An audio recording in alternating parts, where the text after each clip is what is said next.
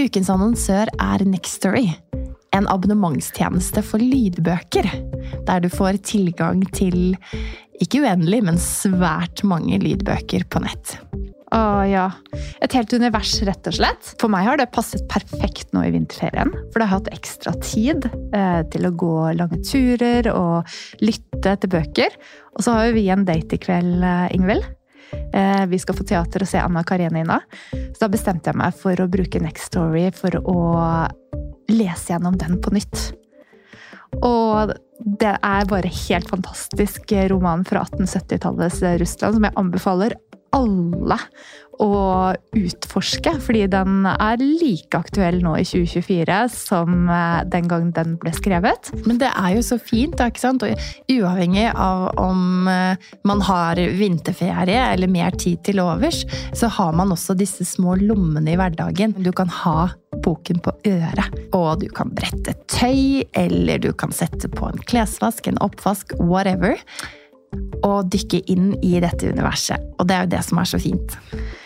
I, eh, I, tillegg, da, når uh, disse små Dine kommer med den samme boken for 15. gang, Ingvild, og spør ja. mamma kan du lese denne, så er selvfølgelig det veldig hyggelig, men det kan også være eh, vel så hyggelig å, å få eh, boken servert fra noen andre, så kan man lytte sammen. Eh, vi har hørt mye på Albert Aabergs lydbøkene i Nextory, for det er et univers som både min femåring og min toåring elsker. Ah, det er fantastisk. Man kan finne så mye flotte verdener og opplevelser i gode bøker. Og du som lytter til oss, kan nå få seks uker med fri tilgang til Next Story hvis du går inn på linken nextory.no engler. Så gå inn der. Bli med oss eh, og utforske bokuniverset, og så håper jeg at du har like stor glede av det som vi har.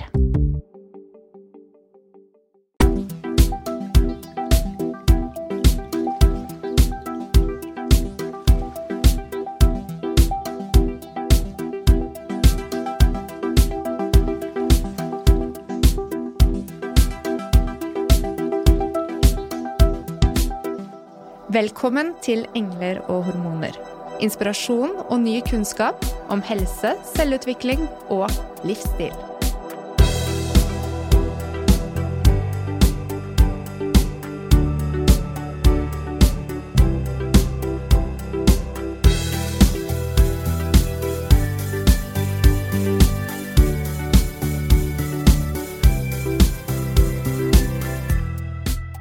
Hver gang vi snakker om hva vi kan gjøre for å få bedre helse, søvn, energi, mindre livsstilssykdommer, så kommer dette med å redusere stress opp som en viktig faktor. Slappe av mer? Hvordan skal vi egentlig klare det? I dag skal vi utforske stressmestring og en retning som heter essensialisme. Marie Kondo har lært oss å rydde i skapene og i huset, men hvordan kan du declutter ditt liv og hodet ditt for å redusere stress. Hjertelig velkommen tilbake, Anniken. Tusen takk. For de av eh, lytterne som ikke kjenner Anniken så godt, vil du gi en liten kort eh, introduksjon av deg selv?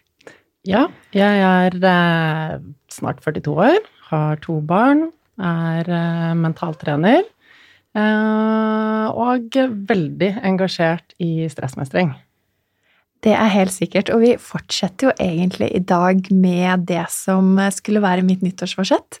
Så jeg er egentlig veldig glad for at uh, vi skal spille inn denne episoden. Blant annet lære å si nei. Mm. Men først av alt, Anniken, hva er egentlig stress?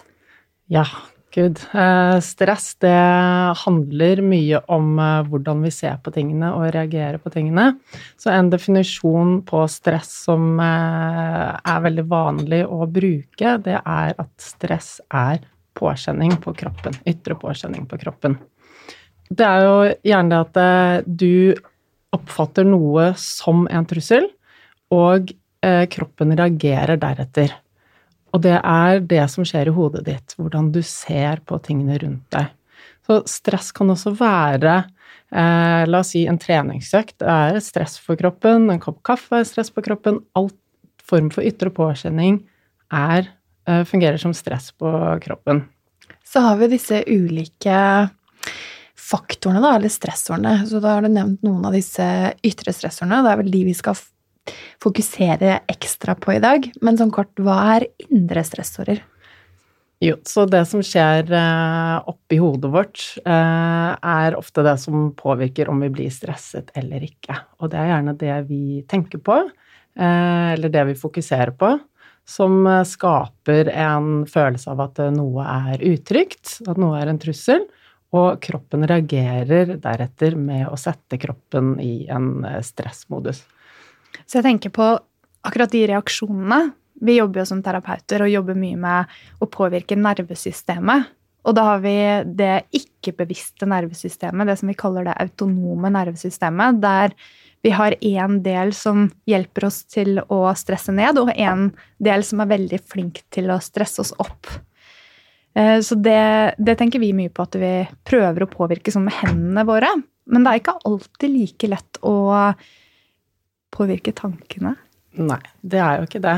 Og du har helt rett i det du sier, at vi har eh, to nervesystem. Det sympatiske nervesystemet er det som aktiverer stressresponsen i kroppen, som er typisk fight, flight eller free, som de fleste har hørt om. Mm -hmm. eh, og det handler jo om at eh, vi tidligere, da vi levde som jegere og sankere, så, eh, så trengte vi å ha en hurtig aktivering av stressresponsen i kroppen for å komme oss unna farer. Kanskje det var en løve på savannen som vi måtte flykte fra, eller vi måtte kjempe mot, eller kanskje vi spilte død. Kanskje det var mer hensiktsmessig. Mm. Så det er veldig mange fysiologiske endringer som skjer i kroppen når det sympatiske nervesystemet aktiveres. Og disse endringene er helt fantastiske. Det er helt utrolig. Eh, bindevevet det blir stivere for å beskytte oss mot skade. Blodårene de trekker seg sammen for å hindre blodtap hvis vi blir skadet. Og så går blodet bort fra den indre organene mer ut i armer og ben, så vi kan løpe eller kjempe. Deler av hjernen som eh, har f.eks. Eh, huser hukommelsen, det blir nedprioritert, for det er ikke så viktig å huske ting når vi skal kjempe eller flykte. Mm.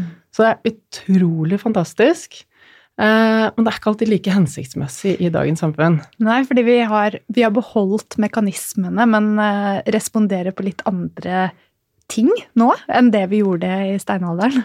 Absolutt. Så mekanismene er der, og utviklingen av mennesket den skjer jo hele tiden. Men den skjer ikke like raskt som dagens samfunn utvikler seg. Mm. Og i dagens samfunn så står vi overfor så mange valg og så mange ting som fort kan gjøre at vi blir overveldet. For hjernen vår klarer ikke å konsentrere seg om mange ting samtidig. Da blir det fort overveldende, og vi oppfatter det som en trussel. Og da begynner vi å aktivisere disse stressresponsene. Mm. Så er det dette som kalles positiv stress og negativ stress. Mm. Som du var inne på, så en treningsøkt som de fleste ser på som veldig positivt, det er også stress for kroppen. Og ting som vi egentlig er glad i å gjøre, men eh, ja, kan også være da et positivt stress. Helt klart. Stress eh, kan være veldig positivt. Og ja, når vi trener, så, så aktiverer stressresponsen. Og det kan vi bruke til vår fordel når vi skal trene eller vi skal yte gjøre et eller annet. Mm. Også før vi kanskje skal eh, holde et foredrag. Kanskje vi kjenner at vi er litt nervøse, pulsen begynner å øke. Hvis vi da tenker at wow, dette er fantastisk, nå får jeg mer energi, jeg får mer fokus eh, Alle de fysiologiske endringene som skjer i kroppen, kan jeg bruke til min fordel. Da vil vi lettere kunne prestere bedre i det vi ønsker å gjøre, istedenfor å tenke 'å, jeg må roe meg ned', og 'jeg må ikke stresse så mye'. Mm. Da virker det mot sin hensikt.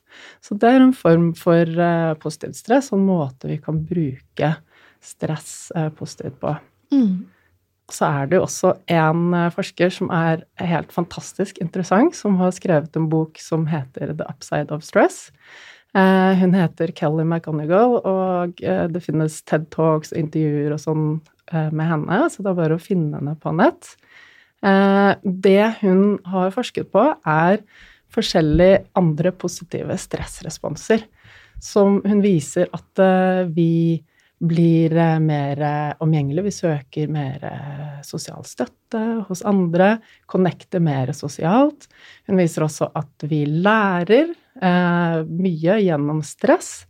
Og hun viser at hvis vi ser på stress eh, på en måte eh, hvor vi tenker at oi, vi går inn i en situasjon, og vi tenker at eh, ja, nå har jeg en utfordring, men istedenfor å tenke på det som en utfordring, så tenker jeg hvilke egenskaper har jeg Mm. som skal til for å takle dette?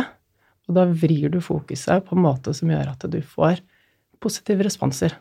Du får fortsatt alle de samme stressresponsene, men du får også mange andre positive hormoner i kroppen som gjør at det blir en positiv effekt for deg. Så det magiske skjer eh, utenfor komfortsonen ofte? Det gjør det, helt klart.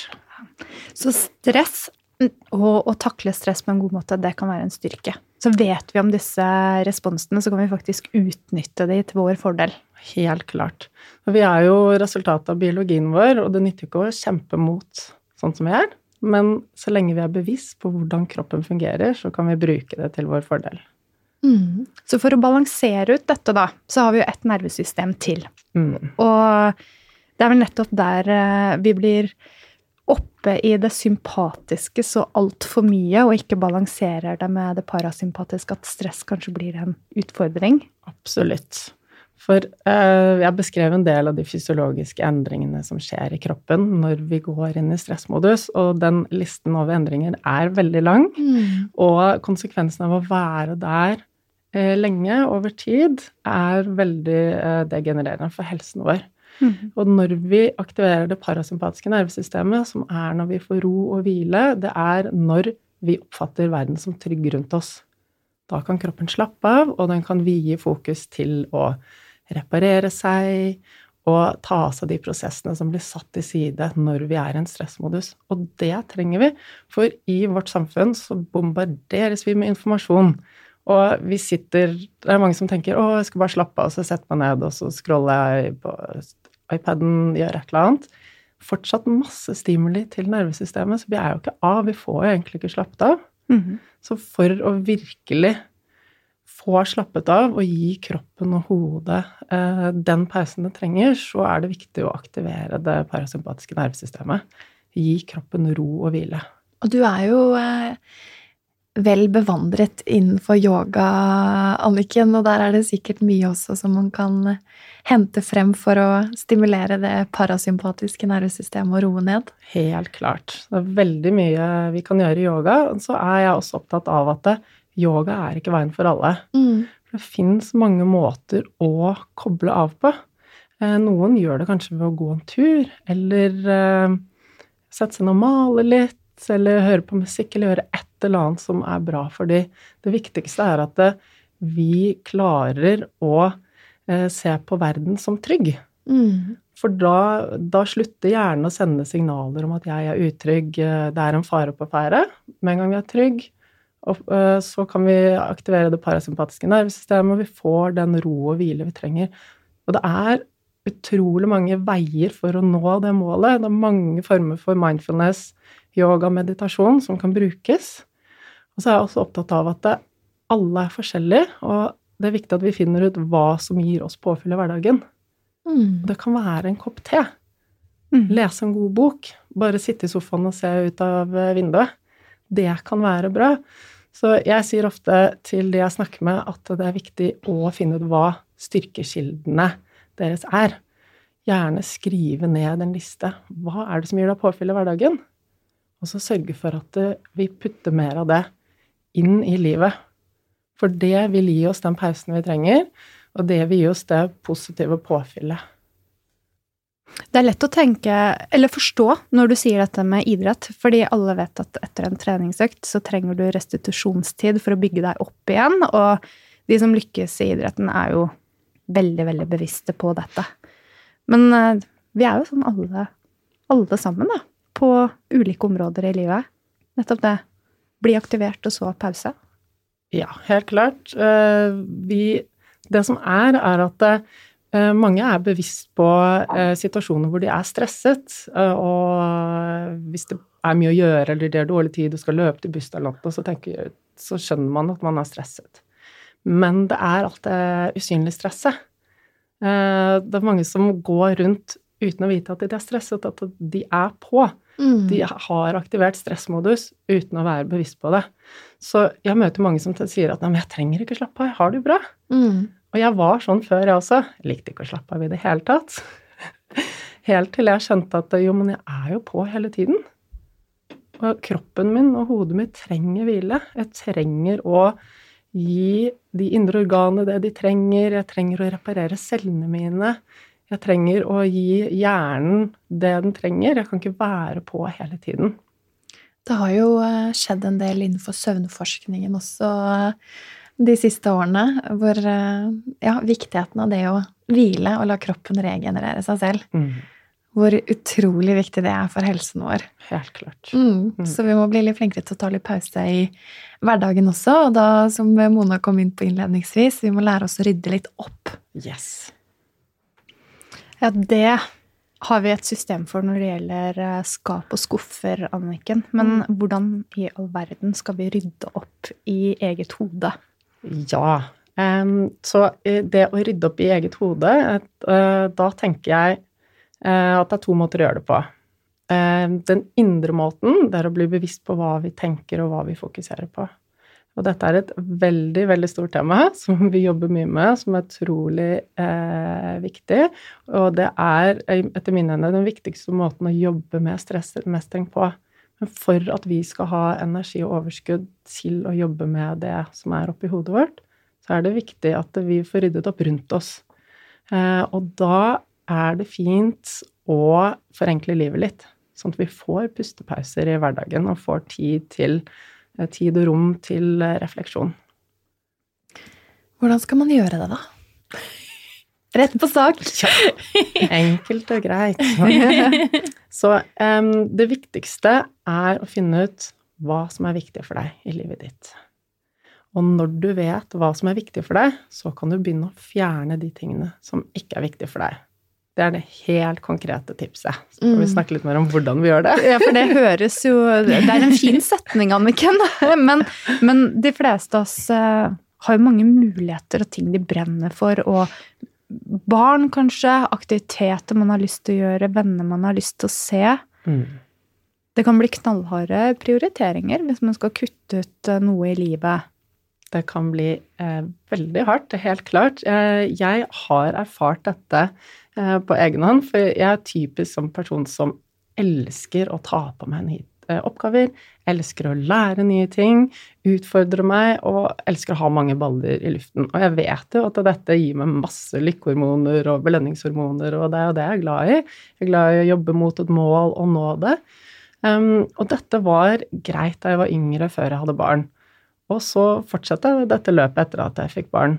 Og jeg hadde en periode da begge barna mine var ganske små. Vi har jobbet sånn 200% Og i tillegg til dette så skulle jeg ta og studere, jeg skulle fortsatt være en sponset idrettsutøver, jeg skulle reise til Himalaya og klatre fjell, og jeg satt i samarbeidsutvalget i barnehagen. Eh, Og jeg skulle blogge, og jeg skulle trene hver dag, og jeg vet ikke, listen er mye lenger enn det her. Men- Hvordan gikk det? så resultatet var ekstremt dårlig samvittighet, følelsen av å ikke strekke til, eh, ble sliten, hadde ikke tid til overs til meg selv eller familien, og var bare fryktelig Endte opp med et negativt tankemønster. Følelsen av å ikke strekke til og ikke få til, og så ville hele tiden. For jeg hadde så lyst. Jeg elsket jo og var så interessert i alle de tingene jeg skulle gjøre. Så det var egentlig mannen min som reddet meg der. Han sa men hør nå her. det finnes andre måter å leve livet ditt på. Kanskje du kan forenkle litt. Så begynte jeg å utforske dette med um, essentialism, og skjønte at oi, jeg har mye å hente på å forenkle livet mitt litt. Og det som jeg da begynte med, var å finne ut hva er målet mitt i livet? Hva er viktig for meg? Og da jeg ble bevisst på det, så var det lettere for meg hver gang jeg sto foran et valg, å vurdere vil dette hjelpe meg nærmere målet mitt, eller vil det stjele tid og fokus bort fra det? Mm. Da er det mye enklere å si at ok, dette her, jeg har veldig lyst til å gjøre det, men det, det blir en, en detour, det tar meg bort fra der jeg vil, og det vil stjele tid og energi. Så jeg ryddet, brukte et år av livet mitt på bare sakte, men sikkert avslutte de prosjektene jeg hadde, på en god måte, og rydde opp. Så det vi skal gjøre, er at vi skal finne de tingene som gir oss økt livskvalitet, og som gir oss energi og, og glede. Mm. Og det er jo eh, det som er verdifullt for deg. Mm. Dine verdier eh, og ditt mål i livet. Eh, og vi kan gjerne mm, definere forskjellige arenaer. Ikke sant? Jeg kan ha På min jobbarena så har jeg et sett med verdier og et mål, og så har jeg det for livet mitt. Og jeg har det for familien min. Ikke sant? For forskjellige arenaer i livet så har jeg definert hva som er viktig for meg. For enkelhets skyld så går det an i starten å bare starte med en helt generell. Livet, alt. Eh, alt mulig. Vi putter alt i én og samme boks og sier at ok, finner ut hva som er målet ditt, hva som er viktig for deg. Og når du vet det, så kan du begynne å rydde unna de tingene som ikke fører deg nærmere målet. Og så er det jo Vi Ja. Vi drives jo ofte litt av plikt. Ja også. Det gjør vi. ja. Og kanskje litt people pleasing? Ja. Mm. Det er spesielt typisk oss kvinner. Mm. Og eh, vi var jo litt inne på hormoner og biologi og hvordan vi funker i forrige episode, um, episode åtte. Og vi mennesker, vi skal jo uh, Vi ønsker anerkjennelse og tilhørighet til flokken vår, mm. for uten det så overlever vi jo ikke. Så det ligger i oss at vi får eh, positive hormoner når vi sier ja til noe. Når vi skal hjelpe noen. Det gir en veldig god følelse. Det gir et rush. Det frigjøres lykkehormoner. Så det ligger litt i biologien vår? Det gjør det. Mm. Det er eh, vanskelig å si nei noen ganger. Og um, man kan jo rett og slett bli fysisk dårlig av å føle at man skuffer folk eller ikke stiller opp når andre forventer og viser sin skuffelse veldig tydelig. Så dette med å rydde opp og si nei, har du noen gode tips til hvordan man kan klare det på en elegant måte? Så det er eh, mange måter å gjøre det på. Eh, det viktigste eh, er først å bli bevisst på når vi sier ja, og når vi sier nei gi oss selv litt tid til å tenke. Hvis noen eh, kommer og spør deg om du kan stille opp og eh, gjøre et eller annet, så er det lov å si 'Å, det var hyggelig. La meg sjekke kalenderen.' Eller eh, 'Jeg må bare høre med partner', eller et eller annet. Så skap litt tid og rom, sånn at du får tenkt etter. Og så kan du se er det riktig, er det ikke riktig for meg, vil jeg gjøre det eller ikke og så finne på um, en god forklaring på hvorfor du vil, eller hvorfor du ikke vil. Mm. Så handler hele tiden om å gi oss selv tid og rom til å tenke før vi reagerer. Mm. Fordi det, vi ønsker å si ja. Vi ønsker å please. Da får vi disse deilige lykkehormonene. Uh, så det er jo det som ligger i oss, som vi har lyst til å gjøre. Så bare gi deg selv den ekstra lille pausen. Litt tid og rom. Tenk nøye etter.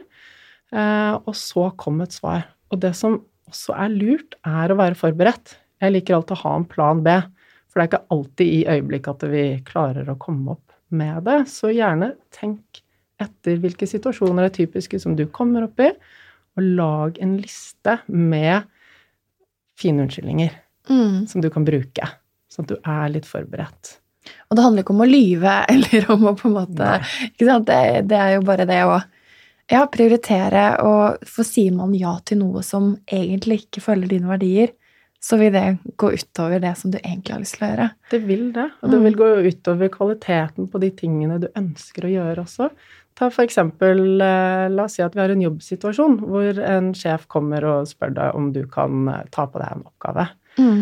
Og du vet at du egentlig har fulgt opp så hvis du skal ta på deg den oppgaven bare for å please sjefen din, så vil det gå utover kvaliteten på alt det andre du skal gjøre. For vi klarer ikke å gjøre flere ting samtidig.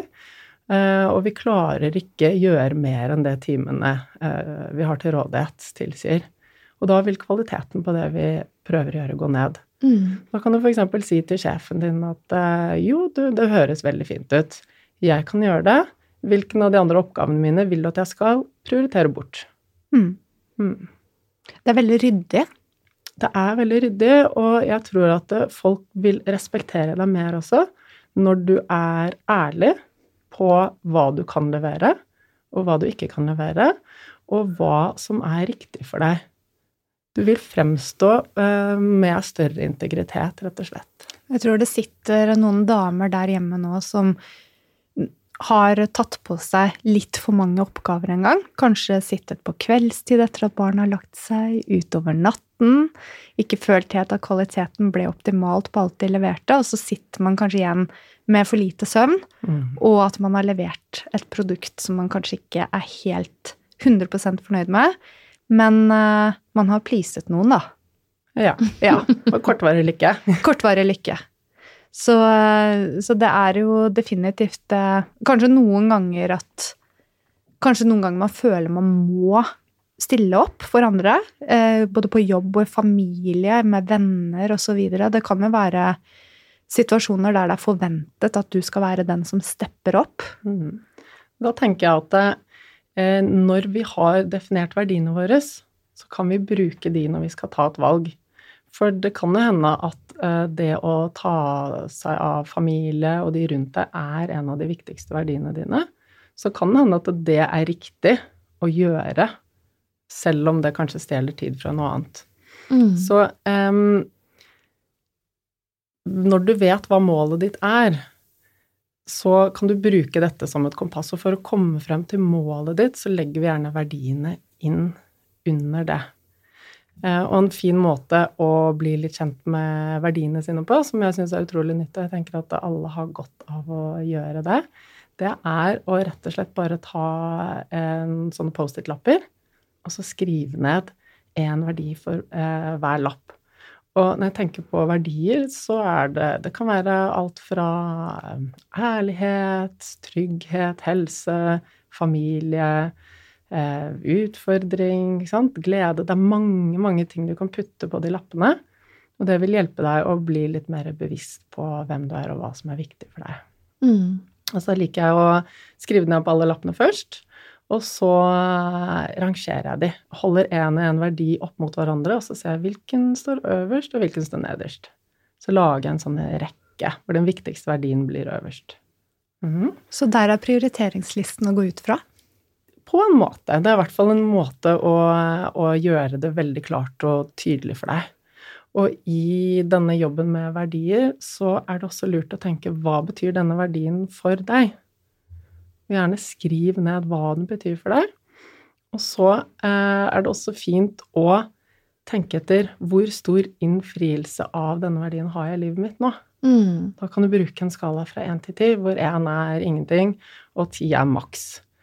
Og eh, hvis du da har, la oss si, lavere enn syv på innfrielse av verdien, så kan det være lurt å tenke ok, hva kan jeg gjøre for å komme, få en høyere score på dette?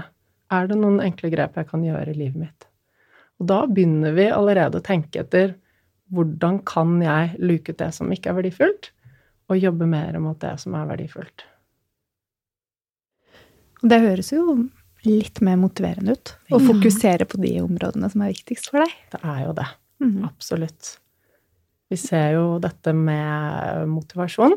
Så er det jo uh, gjort studier som viser at uh, når man jobber mye, uh, så tåler man å jobbe mange timer døgnet over en lang periode så lenge det man gjør, er meningsfylt. Man har et klart og tydelig mål, og det er meningsfylt. Og det viser også eh, Kelly McGonagall, som jeg nevnte tidligere, hun som har skrevet om den positive effekten av stress. Hun har også vist det at når vi eh, ser meningen i det vi gjør, så oppfattes det ikke som stress på vanlig måte. I hvert fall som negativt stress, da. Mm. Så hun, eh, hun ser det at veldig mange opplever de dagligdagse, hverdagslige tingene som en byrde. Du skal levere ungene på skolen, du skal ta oppvasken, du skal lage middag. Alt det blir bare stress. Så det oppleves av veldig mange som en byrde. Så det hun anbefaler å gjøre, er å sette seg ned og skrive i ti minutter om det som man opplever som er verdifullt i livet sitt, og så klare å sette de tingene i perspektiv. Så det å lage middag til barna og hjelpe dem med lekser og sørge for at de kommer seg i seng tidsnok Hvis du setter det i perspektiv med det som er viktig for deg, med familie og det å gi barna en god oppvekst, så oppfattes det på en helt annen måte. Jeg må si um, tilbake til 2008 så var jeg så heldig å få være på en eh, workshop med Leading Edge eh, sammen med min mann. Og da skrev vi opp disse verdiene. Da var han kjæresten min, da. Han hadde ikke blitt mannen min ennå. Men det var utrolig nyttig å gå sammen med partner og gjøre det også, slik at vi fikk bedre forståelse for prioriteringene og hva vi skulle gi hverandre rom til mm. eh, i hverdagen. Og jeg ser det som, som gründer og eh, altså utvikle et selskap osv. Så også, så er jo Dette kan jo brukes på mange måter i livet. Helt klart. Det er en utrolig fin strategi å bruke sånn personlig for å rydde opp i eget liv. Men jeg har også vært eh, gründer i fem år og drevet et selskap. Og det å implementere dette i alle typer selskap er ekstremt nyttig. Fordi at eh, vi luker bort den tiden vi bruker på unødvendige ting. Og da har vi mer energi på det som er viktig, og som tar oss mot det målet vi gjør. Og vi klarer jo ikke å gjøre alt. Ingen kan det. Og ender bare opp med å bli utrolig stresset hvis vi dytter altfor mange ting inn på to do-listen vår. Så det å sørge for at denne to do-listen vår bare omfatter de tingene som er viktige, det er uh, utrolig nyttig. Mm. Men denne frykten, da jeg bare tenker litt på det, jeg kjenner at tankekverna mi den begynner å, begynner å løpe løpsk på alle mulige områder hvor man kan implementere dette her. Um, jeg bare kjenner at den konflikten da, mellom den indre overbevisningen din og de ytre faktorene, der man blir påvirket eh, utenfra, den vil jo variere. Det vil kanskje for noen være lettere å gjøre på jobben kontra i familie eller til venner eller mm. Og vi kom jo litt inn på det i stad med hvordan man skal um, gjør, kommunisere det elegant. Men jeg ble litt mer interessert i på en måte Ok, ja, kan vi komme litt mer tilbake igjen til det? Helt klart. Så det er jo eh, noe som vi har gjort hele livet vårt, mest mm. sannsynlig, å si ja. Det kjennes godt ut der og da. Mm. Og sånn som vi var innom i episode åtte, hvordan vi vender vaner. Så når vi skal begynne å gjøre noe motsatt av det vi vanligvis gjør, så er det utrolig ubehagelig. Mm. Vi får et ubehag i kroppen. Vi blir stresset av det. Så i starten så vil det kjennes veldig ubehagelig. Det handler om å øve seg, og alt det vi gjør mye av, det blir vi gode på.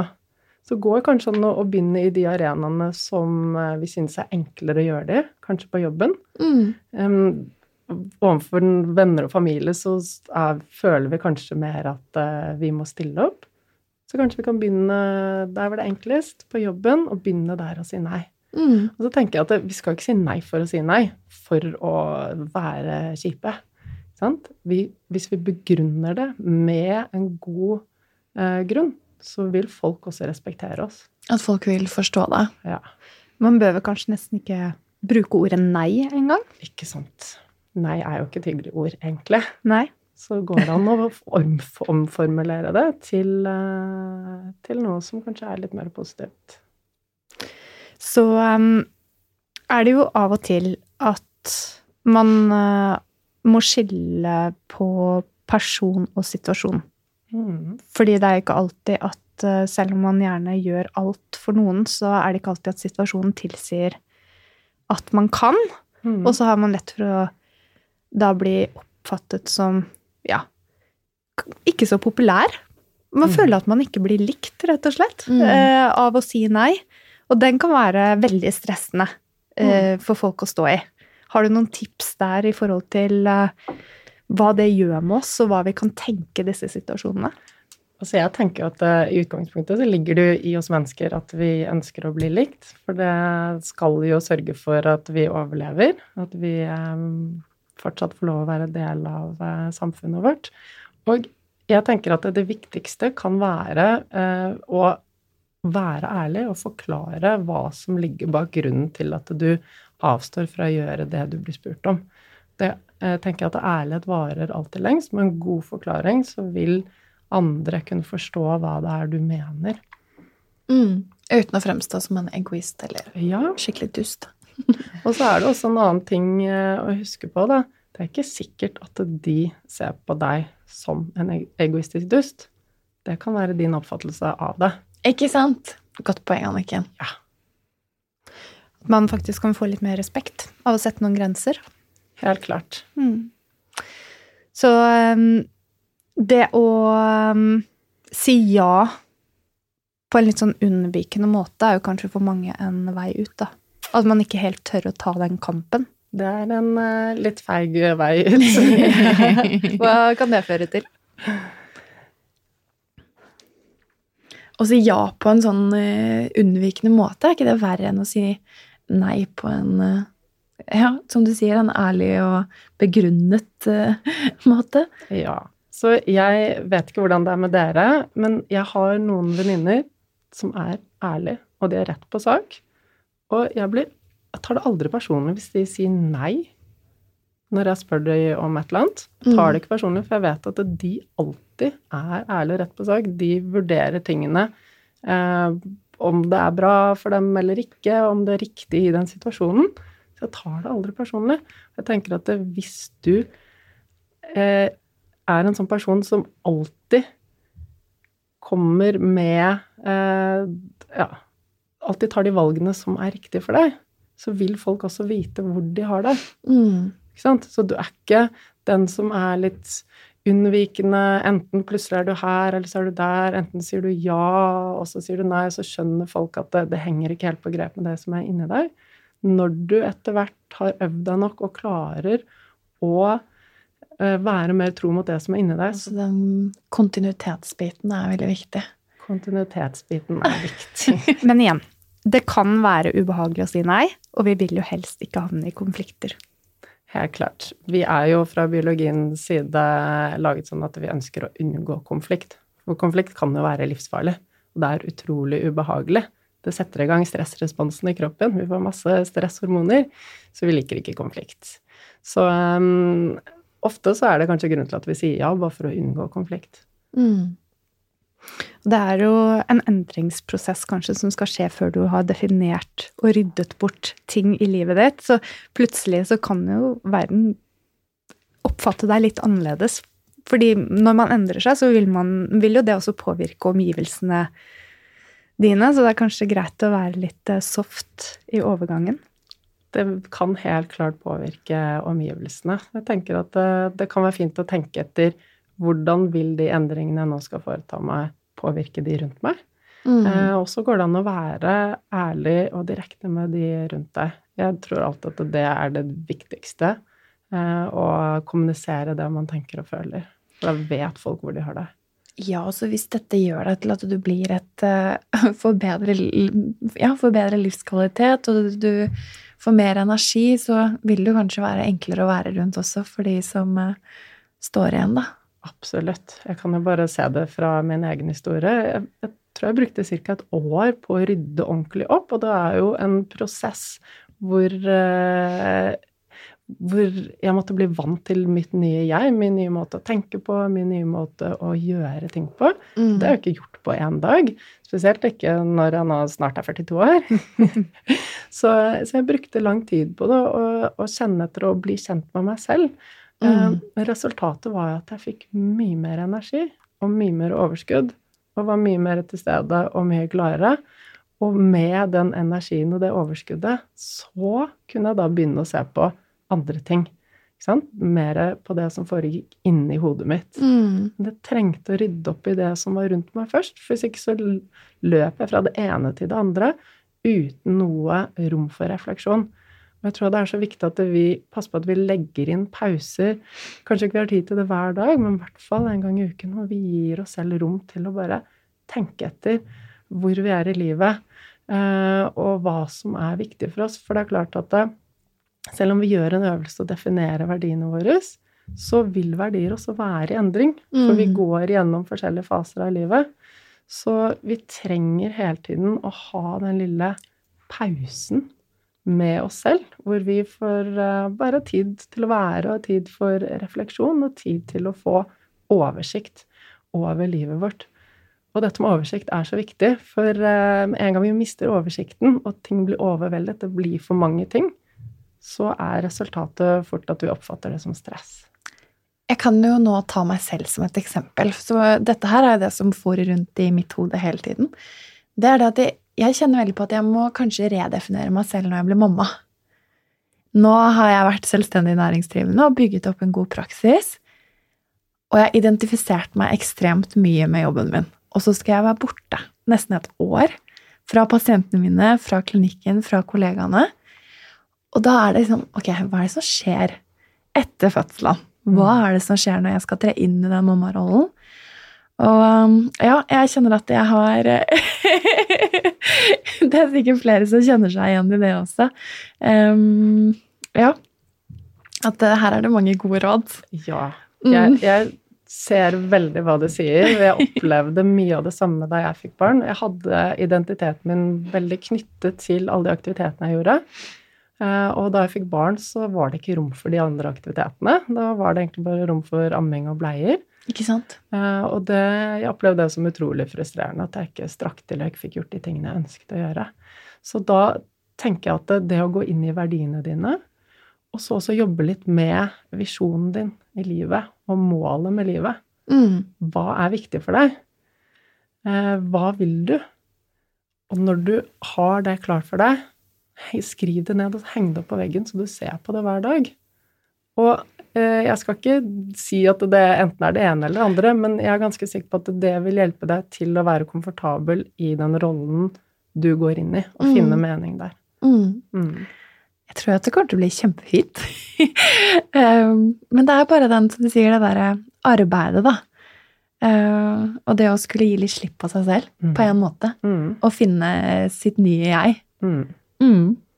Jeg skjønner veldig godt at det er utfordrende. Jeg har vært gjennom det tre ganger selv nå. og um, var nok ikke like bevisst på prosessene første gang som det jeg lærte å være etter hvert. Mm. Men uh, det uttrykket 'å miste seg selv' er jo noe som mange nybakte mødre bruker, og kanskje også litt utover uh, i perioden etter man har fått barn, når man begynner å se at verden eksisterer parallelt, kanskje, med de, din nye hverdag, Mm. så tror jeg det er ekstremt viktig, det som Anniken sier nå, fordi eh, man vil jo gjerne ha bekreftelse fra et sted, og selvfølgelig, du har blitt mamma, du får masse oksytocin, og disse lykkehormonene er jo definitivt til stede, men, eh, men det er noe med den verbale tilbakemeldingen som du får i voksenverden, som, som, som kanskje har kommet veldig mye utenfra, når man har Mm. vært i arbeid, som, som kan være bevisst på å skape litt mer i sitt eget hode.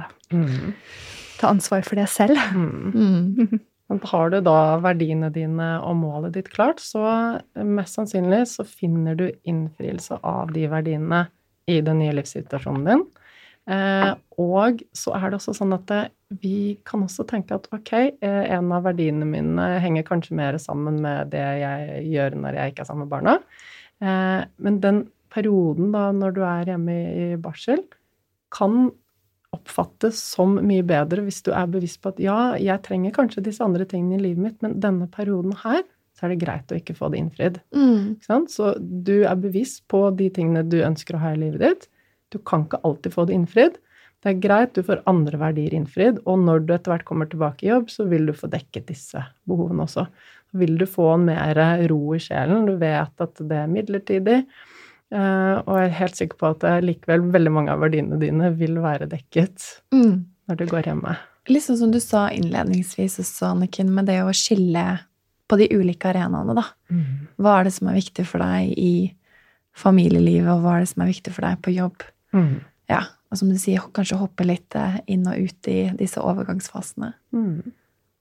Jeg tror den tidsbruken også kan være et viktig poeng der, fordi én ting er at man velger hva man bruker tiden på, og Mm. noen ganger når man går hjemme, så kan det bli ekstremt viktig å stelle hjemme. Mm. Eh, Men om en av verdiene er da at man skal tilbake til fysisk aktivitet, så må man faktisk sette av litt tid til det, kanskje også i samarbeid med partner, Mm. sånn at det er definert og er på plass på timeplanen, sånn at det ikke blir bretting av håndklær i stedet. Ikke sant. For det kan man gjøre senere. Helt klart. Eller ikke gjøre i det hele tatt. Eller ikke. Bare ta det rett ut av vaskemaskinen og fortsette på Kast det i en skuff. Ja. Ah, Er det noe mer, Anniken, som vi bør vite om stressmestring før vi runder av denne episoden? Tenker at det, det, viktigste Denne episoden har vi fokusert veldig på hvordan vi rydder opp i det eh, som er rundt oss. Og litt sånn som å rydde opp i klesskapet vårt. Det kan ofte være vanskelig. Mm. Eh, ofte har vi kanskje en genser som har vært der noen år, vi bruker den ikke, mm. eh, men det er vanskelig å kvitte seg med den. Så det er, handler om å være litt tøff og ta noen tøffe valg. Og noen ganger så kan du stå overfor et veldig bra valg som du føler at dette her er helt innafor. Likevel kanskje er det riktig å si nei til det. Og det er viktig da å huske på at vi kan ikke fylle tiden vår med massevis av gjøremål. Og da trenger vi å rydde opp. Så, og noen ganger så må vi ta tøffe valg. Og fjerne ting som kanskje virker som en veldig god uh, mulighet. Mm. Does it spark joy? Ja, det gjør det. Helt mm. klart. Det er veldig tilfredsstillende, og det er litt sånn som med vaner, som vi snakket om i episode åtte. Eh, det tar tid. Mm. I starten så vil det kjennes ubehagelig å si nei, det vil kjennes rart ut å kutte ut på de tingene som du før har gjort mye av, som du trodde har vært viktig for deg. Og når du etter hvert blir vant til den nye måten å være på, og får ryddet unna ting, så vil det kjennes helt fantastisk ut. Mm. Og da kommer tilfredsstillelsen i den å holde orden i livet ditt. Mm. Holde det enkelt og rent. Fjerne unødig støy. Eh, og, og skaffe tid og rom det tenker jeg er viktig både for deg som person, men også for familien. Har du barn, skal du av gårde på aktiviteter med barna hver eneste kveld, eller har du satt av noen kvelder i uken til bare å være? Mm. Vi trenger ekstra tid. Og jeg tenker også uh, Dette med tid er jo fort noe som uh, vi kan stresse en del over. Så jeg tenker at det, uh, i forhold til tid så kan vi si at tiden kommer istedenfor at tiden går. Tenk at det, det kommer alltid mer tid. Og når vi tenker det, så er det lettere å få en ro i kroppen. Mm. Mm. Så lærdommen i dag Jeg føler vi har fått en leksjon i selvledelse. Ja, virkelig. Ta kontroll og ledelse på eget liv. Rydde opp i ditt lille selskap som er AS Familien eller AS meg selv og selvutvikling eller karriere. Mm. Bevisste valg. Ja. Fantastisk, Anniken. Du, eh, du briljerer igjen. Vi er så glad for at du tar deg tid i ditt bevisste liv til å komme hit til studio. ja. Da kan jeg bare legge til det at um, min visjon og mitt mål som mental trener er å hjelpe andre. Mm -hmm. Så selv om jeg kanskje har en full timeplan, hvis jeg blir spurt av dere om å komme hit, eh, så vet jeg at det vil hjelpe meg nærmere målet mitt. Jeg vil nå til veldig mange, jeg vil få del kunnskap som jeg vet at folk vil ha nytte av. Så det er det viktig for meg. Det er lett å si ja. Tusen det, takk for at du deler. Ja, og det er mm. bedre helse, og det er viktig for oss. Mm. Mm. Anniken finner du på annikenbinds med z.no og på Instagram under Anniken Binds Med Z.